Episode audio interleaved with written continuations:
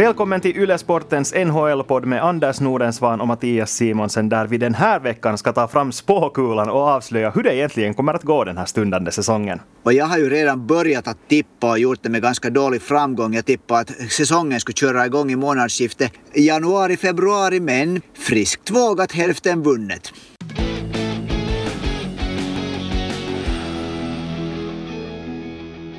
Ja, det är äntligen dags för NHL-säsongen att köra igång och som vi gick igenom förra veckan så är det ju mycket nytt för lagen att ta i beaktande den här gången. Det innebär kanske också att det finns otippade namn som kan stiga fram, så nu ska vi ta och förutspå hur det egentligen ska gå. Vi bad er komma med förslag på vad vi ska försöka tippa och vi är otroligt tacksamma för alla förslag som kom in och jag tycker att vi börjar med det som Jens skickade in. Han hade flera, men vi börjar med ett av dem. Vilka tre finländare kommer att producera flest poäng i grundserien? Anders, kör igång! No, I och med att den är västra divisionen kommer att vara kvalitetsmässigt sämst och där spe spelar det bästa laget kanske i hela NHL, Colorado Avalanche, så tror jag att Mikko Rantanen kommer att vara bästa finländska poängplockare den här säsongen. Så tippar jag att Sebastian Aho kommer att vara näst bäst och för att nu inte vara Captain Obvious här så tippar jag faktiskt att Patrik Laine är den som blir tredje bästa finländska poängmaskin. Mm. Och jag måste hålla med om att Mikko Rantanen är den största favoriten att vara poängetta. Som du sa, Colorado är ett av lagen som är placerade i en förhållandevis lätt division och jag tror att det kommer att räcka. Dessutom spelar han tillsammans med ligans bästa spelare just nu. Och ja, det, mer än så behövs det kanske inte. Men jag vill också lyfta upp en svart häst här. Kasperi Kapanen. Han kommer högst antagligen att få spela med Sidney Crosby eller Jevgenij Malkin och det är en effekt som man inte kan förbise. Om vi tittar på yttrarnas poängskördar i Pittsburgh i fjol. Brian Rust hade 56 poäng på 55 matcher. Jake Gensel hade 43 poäng på 39 matcher. Så är man en spelare som håller den nivå som Kapanen ska göra så finns det potential här för en fantastiskt fin säsong. Så då, får vi, då litar du alltså på att Kasperi Kapanens karantän tar slut här i något skede? Den kommer den nu förhoppningsvis att göra så att han får börja spela också. Men helt som jag lyfte fram här att de här poängskördarna som till exempel Genselden hade på bara 39 matcher den förra säsongen är ju en sån som man kan vara till och med i topp tre för ett, ur ett finländskt perspektiv. Alltså jag är också, också optimistisk det där gällande Kasperi Kapanen, håller verkligen tummarna, tummarna upp för honom. Så kommer såklart nu Alexander Barkov att förnedra oss. Och det får vi hoppas att han gör. Men sen till den andra frågan. Vilka tre finländare kommer att få mest speltid i grundserien? No, det här är ju faktiskt någonting som egentligen är ganska lätt att tippa tycker jag. Det är ju alltid backar som spelar mest i, i, i lagen. Och när vi ser på den finska backarmadan i NHL så är det ju nog tre killar som sticker ut. Jag tippar att Miro Heiskanen den här säsongen kommer att vara den finländare som loggar största minuterna. Hans klubbkompis Esa Lindell näst mest och sen då Rasmus Ristolainen i Buffalo Sabres kommer väl nog att vara den som är tredje mest på isen. Mm. För det första ska jag säga här att det här också är en kategori som påverkas väldigt mycket av coronaviruspandemin i och med att det högst antagligen kommer att gå så att lag tvingas klara sig utan vissa spelare och det här leder sen i sin tur att nyckelspelarna, förutsatt att de kan spela, kommer att få axla mycket större ansvar än vad de vanligtvis skulle få. Så här är det nog de spelarna, helt som du lyfter fram. Topp tre i fjol var Miro Heiskanen, Nessa Lindell, Rasmus Ristolainen. Det finns ingen orsak att tro att det är någon annan som kommer in i topp tre nu heller. Och jag håller med om att Heiskanen Heiskanen antagligen är den som kommer att få störst ansvar.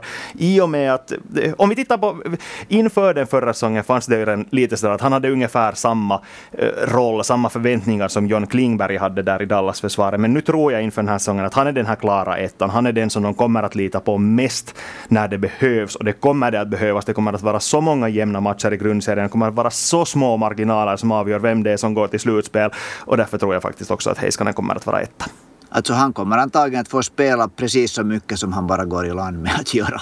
No, nu snackar vi såklart backar bara, men nu ska vi komma ihåg att, att Alexander Barkov, kaptenen och första centern i Florida, är nog specialiserad på att spela helt grymma minuter. Så det där, knappast nog att han får lika mycket speltid som de här nämnda finländarna, men, men det där, nu blir det över 20 minuter per match i snitt för, för Sasha säkert igen. Sen ska vi gå in på lite förslag som gäller olika transfers. så det, här, det här vet jag att det är någonting som kommer att väcka lite känslor. Uh, jag tycker nästan att vi formulerar frågeställningen så här. Vilken finländare är sannolikast att tradas den här säsongen? Va, vad tror du Anders? Du får börja. No, nu tror ju alla andra i världen, utom jag säkert, att det är Patrik Laine. Jag tror inte att han är den som är sannolikast. Jag tror att den spelare som laget skulle kanske vilja träda allra först är faktiskt Jesse Puljärvi. Jag tycker det inte ser bra ut nu hur han har kommit in dit i Edmonton. Men det är kanske inte så många lag som vill ha honom, så jag tippar faktiskt att en sån här kille som är på väg att bli kanske lite av en journeyman, Sami Vatanen är den första igen som, som får byta, packa sin kappsäck och byta lag. Mm, men jag tror, för att ta fasta på Vatanen, så tror jag lite att effekten med Puljujärvi är lite samma där, att finns det faktiskt någon som vill ha honom? Att, jag menar, vem som helst hade nu möjligheten att signa honom för ett väldigt billigt kontrakt, men ändå var det bara den östra konferensens sämsta lag New Jersey som ville ha honom. Så tror du faktiskt att det finns tillräckligt stort intresse att, att träda för honom så att priset också är värt för New Jersey att göra det? Nu när det kommer någon lag som behöver, behöver det där en back som, är, som faktiskt är ju bra på att föra pucken och bra i powerplay så är ju nog Vatanen en kille som kan vara intressant. När det, det kommer att bli mycket skador. Förutom att det är coronaproblem så kommer den här täta matchtakten att göra det att många spelare, många nyckelspelare kommer att vara skadade, bli skadade. Du har rätt i det där att nu när New Jersey signar honom så det där kanske det skulle vara lite underligt om han direkt skulle flyttas bort men på något sätt så det där tycker jag att han är en sån här kille som, som har blivit lite av ett spelkort. Mm, och det finns ju saker som talar för det också, just i och med att han har en väldigt låg lön den här säsongen. Han är ett billigt val att plocka in en väldigt rutinerad spelare, offensivt kunnig back att ha, som kan vara viktig i slutspelet också. Så vem vet, alltså inte det är ett dåligt alternativ. Men jag tänker ändå lyfta fram att det är Patrik Laine. Det har varit så otroligt mycket snack kring en eventuell transfer nu och det känns ju nog som att det inte finns rök utan eld längre. Men... Det här, Mattias, no? tippa. Patrik Laine gör 15 mål på de första 17 matcherna och sen trädar ingen honom mera. Nej, exakt, och det är det där som jag skulle lyfta fram. För att om det går vägen för honom och framförallt för Winnipeg så då kommer han inte att sticka någonstans. Om det ser, jag tror ju personligen att Winnipeg kommer att vara väldigt starka i den här kanadensiska divisionen. Jag tror att de faktiskt kan ta sig till slutspel och i det, det skedet är inget snack om saker. Då kommer de inte att träda honom.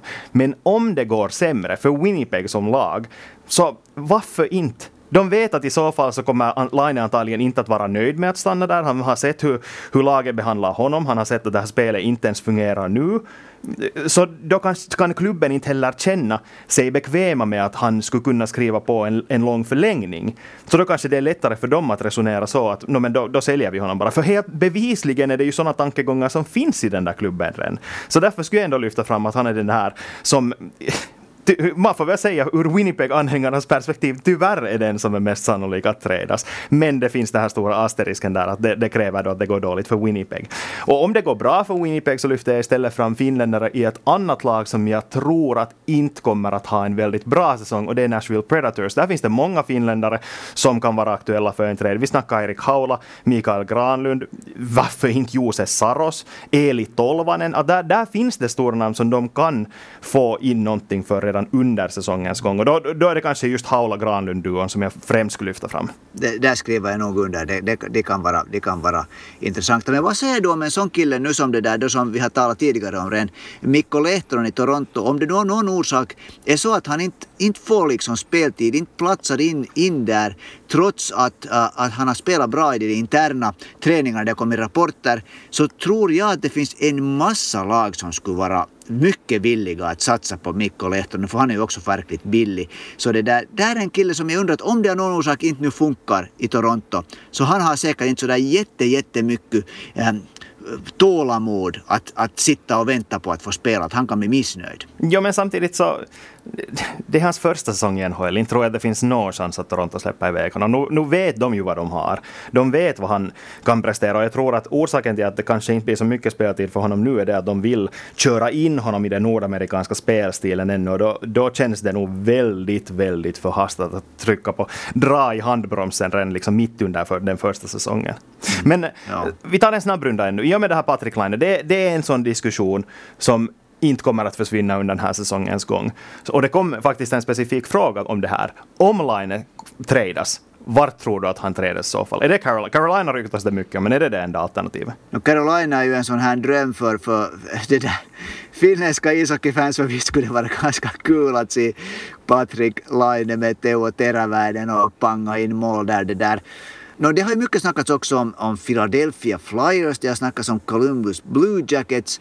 Uh, det har nu tills vidare inte blivit någonting. Det här är nu verkligen att liksom att på något sätt alla tippningar går fel här så vet du vad jag slår i bordet ett namn som jag säger han åker till Boston Bruins om han trädas. Okej. Okay. Okej.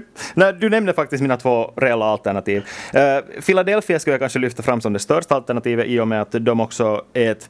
Eller det är ett lag som jag tror att kommer att klara sig rätt bra. Jag tror att det är ett lag som ren, till och med skulle kunna plocka in honom som en, som man på engelska säger, en rental, en hyresspelare. Fast priset kan vara relativt högt. Så eh, om de känner igen att det här skulle vara deras ena chans att faktiskt försöka gå hela vägen i, i, i slutspelet också, så varför inte chansa och sen dessutom också räkna med att man, man kan förlänga hänga med honom. Och sen just Columbus tror jag också att Jarmo Kekäläinen är så pass vettig att han plockar in Line bara om han vet att Line är intresserad av att, att teckna en lång förlängning på kontraktet med dem. Att han är inte en sån som tar in en dyr hyresspelare bara för sakens skull. Men jag vidhåller, Patrik Laine gör 15 mål på de första 17 matcherna och sen trädar inte Winnipeg honom någonstans.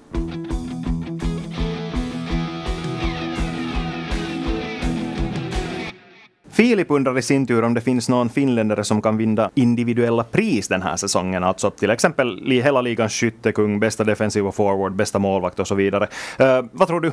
Finns det någon som kommer att ta hem en, en pokal efter säsongen? Det starkaste alternativet är väl nog vår vän Tuukka Rask som det där alltid, om han bara spelar en normal säsong på något sätt, finns med i Vesaina-diskussionen så har man ju mycket snackat om att skulle Miro Heiskanen vara mogen för att vinna Norris. Jag tror att det kanske kommer för tidigt. Han är kanske också i, i fel marknadsområde som man brukar tala om i NHL det där, om jag slänger fram en, en svart häst här lite som lite figur, har figurerat i, i något skede, redan i ett par säsonger, så om Carolina gör en så bra säsong som till exempel jag förväntar mig att de ska göra, så då kommer Sebastian Aho att vara det lagets ledande spelare och då kommer han att figurera i Hart Trophy-diskussionen. Så svarta hästen Sebastian Aho. Mm, mm.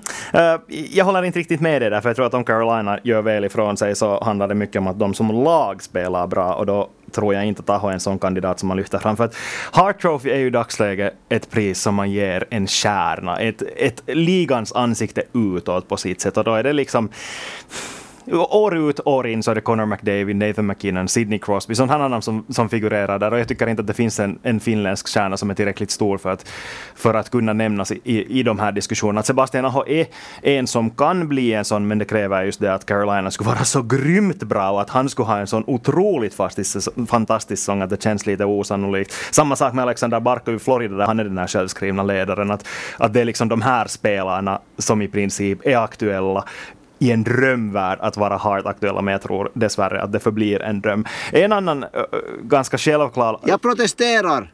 Förra säsongen var det Leon Draisaitl som, som fick Hart Trophy. Det tror jag inte att många skulle ha trott förra säsongen. Jag vill hävda att Sebastian Ahos eh, kvaliteter som spelare för honom, hålla, för honom helt upp dit man ligans bästa spelare. Han är en kille som presterar jättebra när det gäller. Han hade ju Jesus, han var på väg mot han var på väg mot 45-50 mål när säsongen blåstes av. Jag tror att han kommer att komma in som en, som en storm, som en tornado, en hurrikan in i NHL och kommer att, att höra till de spelarna som mycket väl kan finnas med i diskussionen. Men med Dreisaitl fanns det också den här McDavid-effekten att man såg att hej, den här tysken spelar till och med bättre än Connor McDavid, då måste han ju vara grymt bra. Och det ja, finns det inte med Sebastian. Aho. Han har, ingen, han har ingen som han måste spela bättre än, utan han väntevärde är än att han ska vara den där första centern i Carolina. Och då tror jag inte att det är tillräckligt mycket för att faktiskt nämnas som en av de mest värdefulla spelarna i hela ligan. Men det är bara min åsikt. Men det som jag skulle lyfta fram ännu är ett namn som jag redan nämnde, Alexander Barkov. Inte till Hart Trophy, men till Selke Trophy, alltså till den bästa defensiva forwarden i ligan. Och det är också ett snack som går varje år åt han.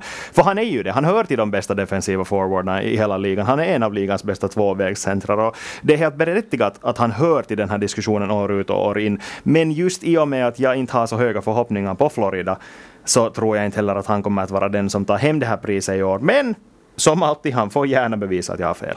Jo, han är nog en spelare som kan finnas med i den diskussionen och, och, det där på något sätt så skulle det kanske, det här låter dumt att säga, men eh, vara lite av hans tur att få, få Selke för han har funnits med i diskussionerna. Nu var förra säsongen så var ju faktiskt hans, hans defensiva siffror inte alls speciellt bra och han har fått lite kritik för att det ser på ett sätt bra ut men sen när man tittar på, på det där kalla fakta så är det inte så bra. Så om han höjer sig nu igen och Florida spelar bättre så tror jag att det kommer en sån här moteffekt, han får sån här boost att, att nu, nu är det dags att, att ge, ge pris till den här killen. Ja, det är mycket möjligt. Och så ska jag ännu kommentera det där äh, raskt i Vesaina. Jag håller med om att han är en, en sån här en mångårig kandidat till det här priset och det räcker att han presterar på normal nivå. Men nu verkar det som att han igen kommer att få dela ansvaret med Jaroslav Halak. Och då är frågan det att om det sen är tillräckligt eller om man kommer att ge det här priset till någon målvakt som en klar etta. Vi snackar till exempel Connor Helleback i, i Winnipeg eller Andrei Vasilevski i Tampa Bay som han har tidigare års kandidater.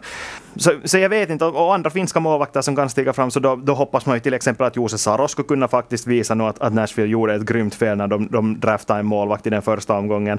Till och med så bra att han skulle kunna vara aktuell för en Vesana-diskussion, men det känns också dessvärre lite långsökt. Saros är ett intressant namn. Han kommer det där, jag tror att han kommer att göra en, en kanonsäsong. Han brukar vara en kille som det där äh, växer med, med uppgifterna. Nu, är han, nu inleder han som första mål jag tror att han kommer att göra en eh, superbra säsong. Så tror jag ju att, att, att det, ska, det finns en beställning på att ge, ge Vesaina den här säsongen till Carter Hart i Philadelphia om han inte totalt misslyckas så att säga. Men hej, jag har ju redan, nu, nu har jag hållit på att hajpa Patrik Laine ett antal gånger så jag ska nu då ta fram honom som eh, äh, Morris Richard Trophy-vinnare. Där har, vi, där har vi en kille som, som i något skede högst antagligen kommer att ta hem den titeln om nu inte allt går fel med, med Patrik Laines karriär, vilket jag inte tror. Och varför skulle det inte kunna vara nu den här säsongen när han spelar ut sitt, sitt kontrakt och har verkligen mycket att spela för och visa, visa hur bra han är. Så Patrik Laine bästa målskytt i NHL den här säsongen. Okej. Okay. Uh, eh, en följdfråga. Hur många mål krävs det för att ta hem Maurice Richard Trophy i år? 56 matcher spelas, uh, 38 mål. Jag, tänker, jag måste ju kontra här med någonting och jag tänker säga att det är, det är Nathan McKinnon som kommer att ta hem Maurice Richard. Och det är ju sannolikt att han gör det om man ser på, om man ser på den, där, den divisionen och vilka lag han får ösa in mål mot. Ja, men jag ska inte krossa dina drömmar här. Det kan gå vägen för Laine också.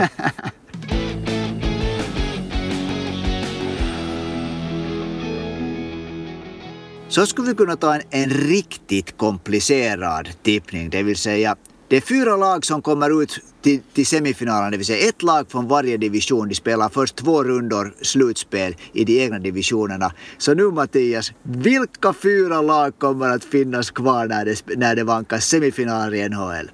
Mm, det är nöt det där. Uh, vi börjar med kanadensiska divisionen. Och Oj oh, jösses vad det är svårt att hitta fram en, en stark kandidat därifrån. Eh, jag måste säga att det är Winnipeg som är starkast där. Jag, Winnipeg! Jag, jag, tror att det, alltså Toronto har ju till pappret det starkaste laget. Toronto brukar underprestera i slutspel. Jag tror inte att det här året är något undantag för deras skull. Jag, jag vet inte om det här om det här seriesystemet gynnar dem på ett sånt sätt som kanske fansen har orsak att hoppas. Att de kanske hoppas att, att, det, att det blir en tuff grundserie kanske på något sätt väcker en sån här vinnarmentalitet i laget som kan föra dem långt i slutspelet också. Men jag, jag är skeptisk. Så jag tänker säga att det är antingen i så fall är Vancouver eller Winnipeg och med tanke på hur lagen ser ut just nu så sätter jag mina pengar på Winnipeg det var norra divisionen, då kommer jag, du kommer inte att bli överraskad när du säger vilket lag jag tror att gå vidare ifrån. Får jag gissa vilka du kommer att säga? då får du säga det på franska. Le Canadiens de Montréal. Oui, monsieur!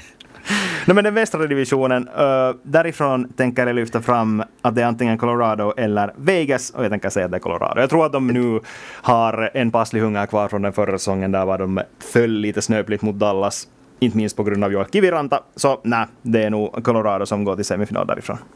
Och här håller jag fullständigt med. Det måste vara Colorado. Det är en, frustre, det är en katastrof om det inte är det laget som går vidare därifrån. Mm. Uh, Central finns det många kandidater Tampa Bay tror jag inte riktigt att är lika hungriga nu som de var i det förra slutspelet. Och därför skulle jag nästan våga påstå att Carolina ligger väldigt bra till där. Dallas och Columbus är de andra lagen som jag nämnde redan förra veckan att jag tror att kommer att vara med i slutspelet. Och då får jag väl säga nu så här på tok för tidigt att Carolina är det lag som går till semifinal. Och det här är oroväckande nu för jag, att vi tippar så här samma. För jag har också tänkt att, att Tampa kanske ändå, hur bra de än är, så kanske det blir en liten sån där mästerskapskrabbis och nu kommer kanske Kucherov att vara borta hela säsongen och det, det är nu bara en spelare men det är många små grejer som kanske lite spelar in. Så jag, jag tror också att att nu är det, det här året, nu är Carolina färdigt för att gå långt. Bara målvakterna, bara målvaktstandemen funkar. Så jag tippar också att Carolina Hurricanes spelar semifinal i år. östra divisionen då? Nu får du säga först. Ja, den här är knepig. Den här är knepig. Det är många som, som vill lyfta på Philadelphia Flyers. Sen det där så är Washington Capitals ser ju nog egentligen otroligt starkt ut. Ser de faktiskt titta, otroligt titta, starka ut? Alltså de har den där, de har den där de har en grym rutin och en sån här det där. Och nu har de en tränare som, eh, i Peter Laviolette som alltid brukar lyckas direkt när han kommer till ett lag. Av någon orsak så är han alltid som bäst under första säsongen. Och han är en krävande coach, han är trovärdig, han har vunnit Stanley Cup. Washington är nog tufft men det där jag tippar ändå inte Washington. Mitt hjärta klappar på något sätt för att det måste i något skede stämma hela vägen för Boston Bruins. Så jag, det där, jag tippar att Boston Bruins Äh, lyckas slå alla andra av de här lagen i den här divisionen och gå till, gå till semifinal. Du nämnde rätt lag men du gjorde det för tidigt. Jag, jag, tror att det är Philadelphia Flyers som, som går till semifinal därifrån i och med att de bara helt enkelt är för starka. Boston Bruins och Washington Capitals är två lag vars formkurva pekar neråt, måste jag säga, tyvärr. De kan vara bra, helt okej okay i grundserien, men jag tror inte att det räcker till sen i slutspelet. Jag tror att Philadelphia faktiskt är ett steg före dem när det gäller.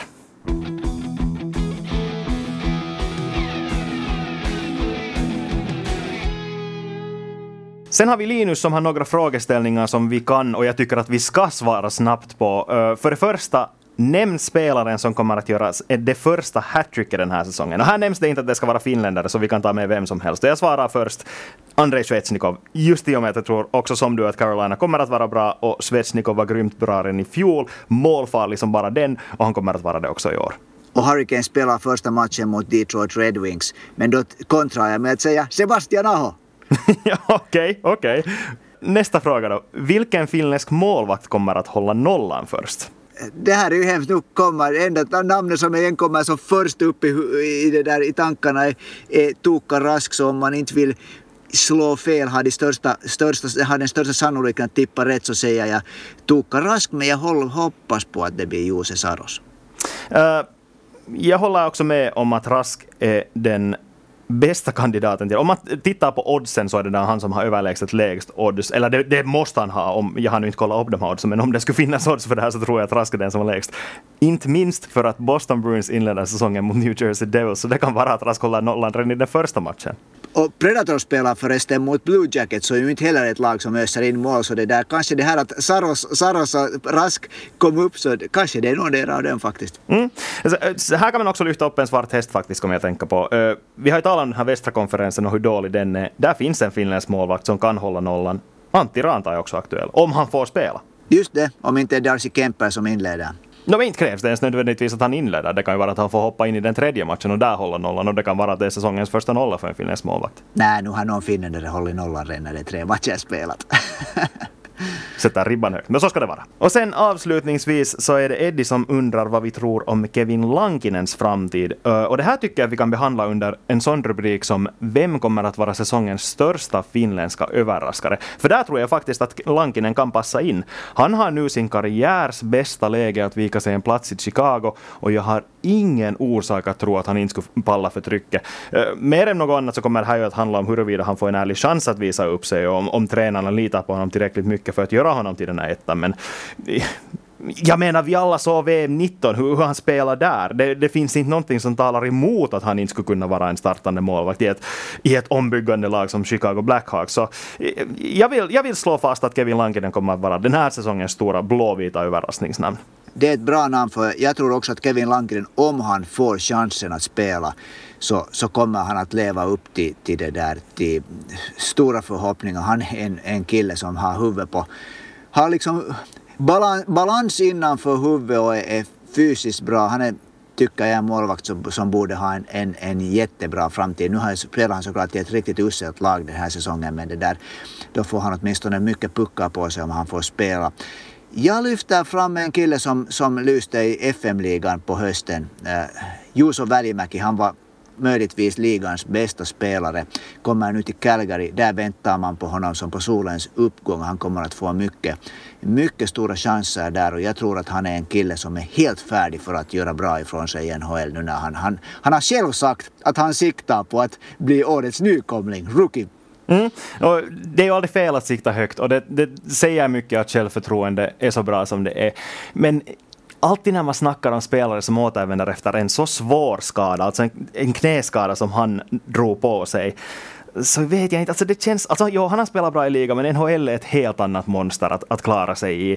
Och jag tycker att man brukar känna igen, speciellt spelare som har knäskadat sig, så brukar vara lite försiktiga. Och när, vi, när det handlar om en ung kille som Välimäki, så är jag lite rädd för att det kan synas den här rädslan och att det tar en stund före han blir varm i kläderna. Och eh, antagligen mot slutet av säsongen kommer han säkert att vara hur bra som helst. Det, det, det tvivlar jag inte på överhuvudtaget. Men jag vet inte sen om det räcker till för att faktiskt utnämna honom till, till, till säsongens stora blåvita utropstecken i positiv bemärkelse. Men en annan back som man också kan lyfta fram här, så det är Olli Juolevi. Vancouver har ett starkt lag. Kanske de skulle ha en plats i, i backtruppen för en liten finländsk överraskningsoffensiv pjäs. Som, eh, han gick ju ändå som femma, över, femma i draften för några år sedan. Det, det finns ju löften att infria där och, och det, det, känns ju som att man i Vancouver också väntar på att se vad den här unga killen från Finland faktiskt kan bidra med. Olle Juolevi är definitivt en spelare som är, som är intressant för att Vancouver väntar sig att han ska ta sin plats nu. De har haft ganska långt tålamod med honom. Han har varit skadad för det mesta. Eh, det har sagts att han inte har varit riktigt mogen för, när han, han har spelat också. Han har gjort bra ifrån sig nu i, i farmen åtminstone förra säsongen. Så här är en kille som, som kommer att sättas på prov och de vill se vad han går för. Det är helt klart. Och lite på tal om det här så fick vi också in en fråga som tangerar det här ämnet, åtminstone på en kant, nämligen om det faktiskt ska gå vägen för Jesse Puljujärvi och Eli Tolvanen den här säsongen. Det har vi ju lite varit inne på, men nu måste vi slå fast hur det ska bli. Vad tror du?